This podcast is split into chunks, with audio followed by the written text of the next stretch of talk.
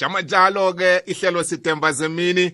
Ngale kwalokho sihlabela phambili nehlelo elithi sidishile emhatshweni kwekwez fm qobeke nasilijamisako ihlelo elithi sidemba zemini siletha umbuzo welanga. Umbuzo oqakatheke khulu kwamambala ngithokoza bonke abawulindako eh, ngaso sonke isikhathi ukuthi khe sizwe wanamhlanje bona uthini namhlanje sibuza umbuzo ocakathekileko sisenyangeni yabantu abatsha kukaningi-ke kwenzeka lokhu ukuthi uzithole umuntu omutsha uthi ngithenge ikoloyi namkha ngithenge indlu eh ngikuphi okuzaqangi la?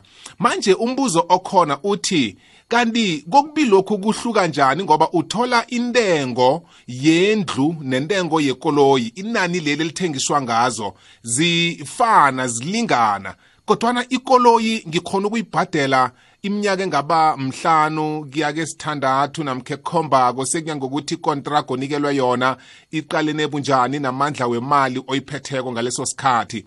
Bese kuthi indlu ithome eminyakeni emachumi amabili kuya emachumini amabili nahlanu kuya eminyakeni emachumi amathathu ongayibhadela isikhathi eside kangaka ngibhadela into eyodwa 20 to 25 30 years. Kodwana uthola indlu lengiyithenga kwasithi yi-500,000 nekoloyi engiyithengako yi-500,000 ziyalingana zombili. Kodwa ikoloyi engikhona ukuyibhadela msinyazana ngesikhatshana esincane bengiyiqede.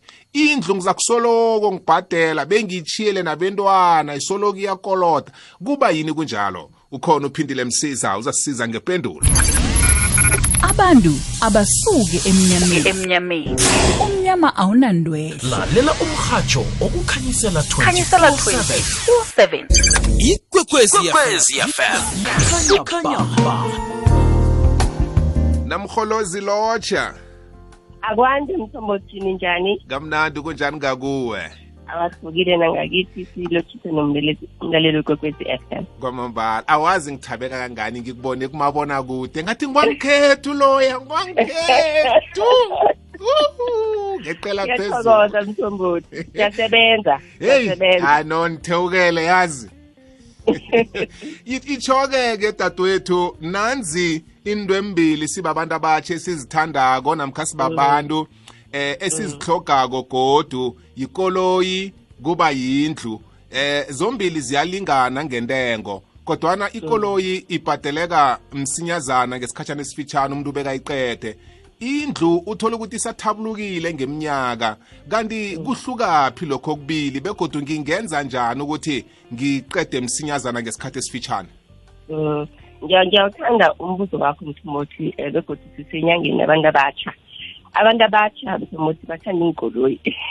Abathanda ukuthenga iproperty bathanda ukuthenga ikoloyi kanti-ke ukuhlathulula umbuzo wanamhlanje ukuthi um kuqakathekile bonyana wazi um ukuthi uthatha isikwelede esinjani begodwa isikwelede sakho siberega njani basicalculate njani ngombana sikhumbuze-ke nomlaleli ukuthi ikhona into esibiza ngokuthi i-good debt ne-bad debt. Isikwelede esihle nesikwelede esimbi. So na uthatha isikwelede kuqakathekile ukuthi wazi ukuthi isikwelede engisithathako lesi um ngithatha i-good debt namkhana um ngithatha i-bad debt. So asithome-ke ngekoloyi ikoloyi i- is a depreciating asset kutho ukuthi i-value yekoloyi iyehla cobe nyaka.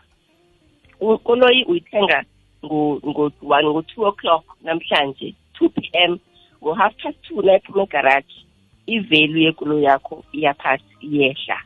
So lokho-ke kusho ukuthini? Ukuthi iya-depreciator every year. Nakhona-ke i- i- i- i- i-length namkhana i-period oyithathako yekoloyi yakho nayo iya-depreciator cobe nyanga cobe nyaka. Mm. so lokho-ke kusho ukuthini m- m- mthombothi? Kusho ukuthi nasithenga ikoloyi kaningi-ke bakunikela i-seventy-two months. Yeah. omunye angazibuza ukuthi kungani banginikela i-seventy two months le ingombana i-value yekoloyi iphela msinya. So i-two months le i-five years le benzela ukuthi ukhona ukuyibhadela msinya ikoloyi yakho leyo. Wenzela ukuthini? Ukuthi na kube mhlambe uvelela inkinga ethize i-value yakho mhlambe izabe isisephezulunyana um kunanoma seyingasise ngaphansi kwebhanka so ibhanka kuhle kuhle nabo. Baqala ukuthi babe sethubeni lokuthola imali if anything happens to ikoloyi yakho le. Nalapho-ke nawe wena mthengi wekoloyi eh, if anything happens ekoloyini nakho le eh kunento esibiza ngokuthi i-retail value ne-market value. Mm. eh mhlambe ke ikoloyi yakho uthola i-accident eh bathi bayi-writer off. So nabayi-writer off kunento esi- esibiza ukuthi i-market value. Nabayi-writer off baya ku-market value baya-check ukuthi ikoloyi njengo-twenty nineteen siyayibona. Mara-ke ngo-twenty twenty-one i-value yakhona seyijame njani? Um kuyenzeka ukuthi ikoloyi yakho leyo iseseyitsha ichayisile iseseyitsha mara-ke nabacala i-value yekoloyi uthole ukuthi seyehlile. Kusho ukuthini-ke kuwe wena mthengi? Uyokuluza number one. Omunye-ke mthombothi uthole ukuthi akanayo ne-insurance leyo. Mm. uyokubhadela isikwelede eh, sekoloyi engasekho i-value yakhona isesephezulu usakoloda nebhanka so ibhanka benzela ukuthi nabo babe sethubeni lokuthola imali ehle ne if anything happens to your car within le five years ebakunikela yona seventy-two months ebakunikela yona. Nawe ube sethubeni lokuthola imali ebonakalako if anything happens to ikoloyi yakho um ukwazi ukuyibhadela and pay it off Mm. so number one ikoloyi iya-depreciate i-value iyehla iyaphasi every year ingachayisa anything can happen to ikoloyi uthole ukuthi i-value i- i- i- i-market value i- i-price value market value yakhona eh, imali yakhona ayisabonakali. Kusho ukuthini? Ukuthi ibhanka iyaluza nawe um umshayeli wekoloyi uyaluza. That's number one. Asiyeke ku-property. I-property is an appreciating asset. Asikhuluma nge-appreciating asset sikhuluma nge- ngento eyaphezulu i-value yendlu iyaphezulu it's an asset eyaphezulu cobe nyaka. So i-value yakhona it increases over time. Uthenga indlu nyaka lo eh, next year wena njengomthengi wendlu um ungayithenga nge-five hundred thousand rand. Mara-ke wena na uyithengisa naselokhu ukuyithengisa um provided you have renovated indlu yakho um uyifaka amagaraji uyifaka ama-carport njalo njalo. Lokho-ke kuyenza ukuthi indlu yakho iye phezulu kwesinye isikhathi-ke uyayithenga nendlu leyo um nakube mhlambe it has a big yard uyakhona ukufaka ama-room emuva mthombothi ucashise and make yourself i-extra income. So buningi ubuhle um bokuthenga i-property-ke lesikhuluma ngayo. Ibhanka eh bayakwazi ukuthi eh nasikunikela i-seventy-two months namhlanje i-twenty years lo okhulume ngayo ke sikunikele isikhathi eside sokuthi ukwazi ukubhadala i-property le oyithengileko. Kanti-ke ngelisa umlaleli ukuthi asisekho esikhathini la umuntu fanele ahlale ni-twenty years i-loan repayment.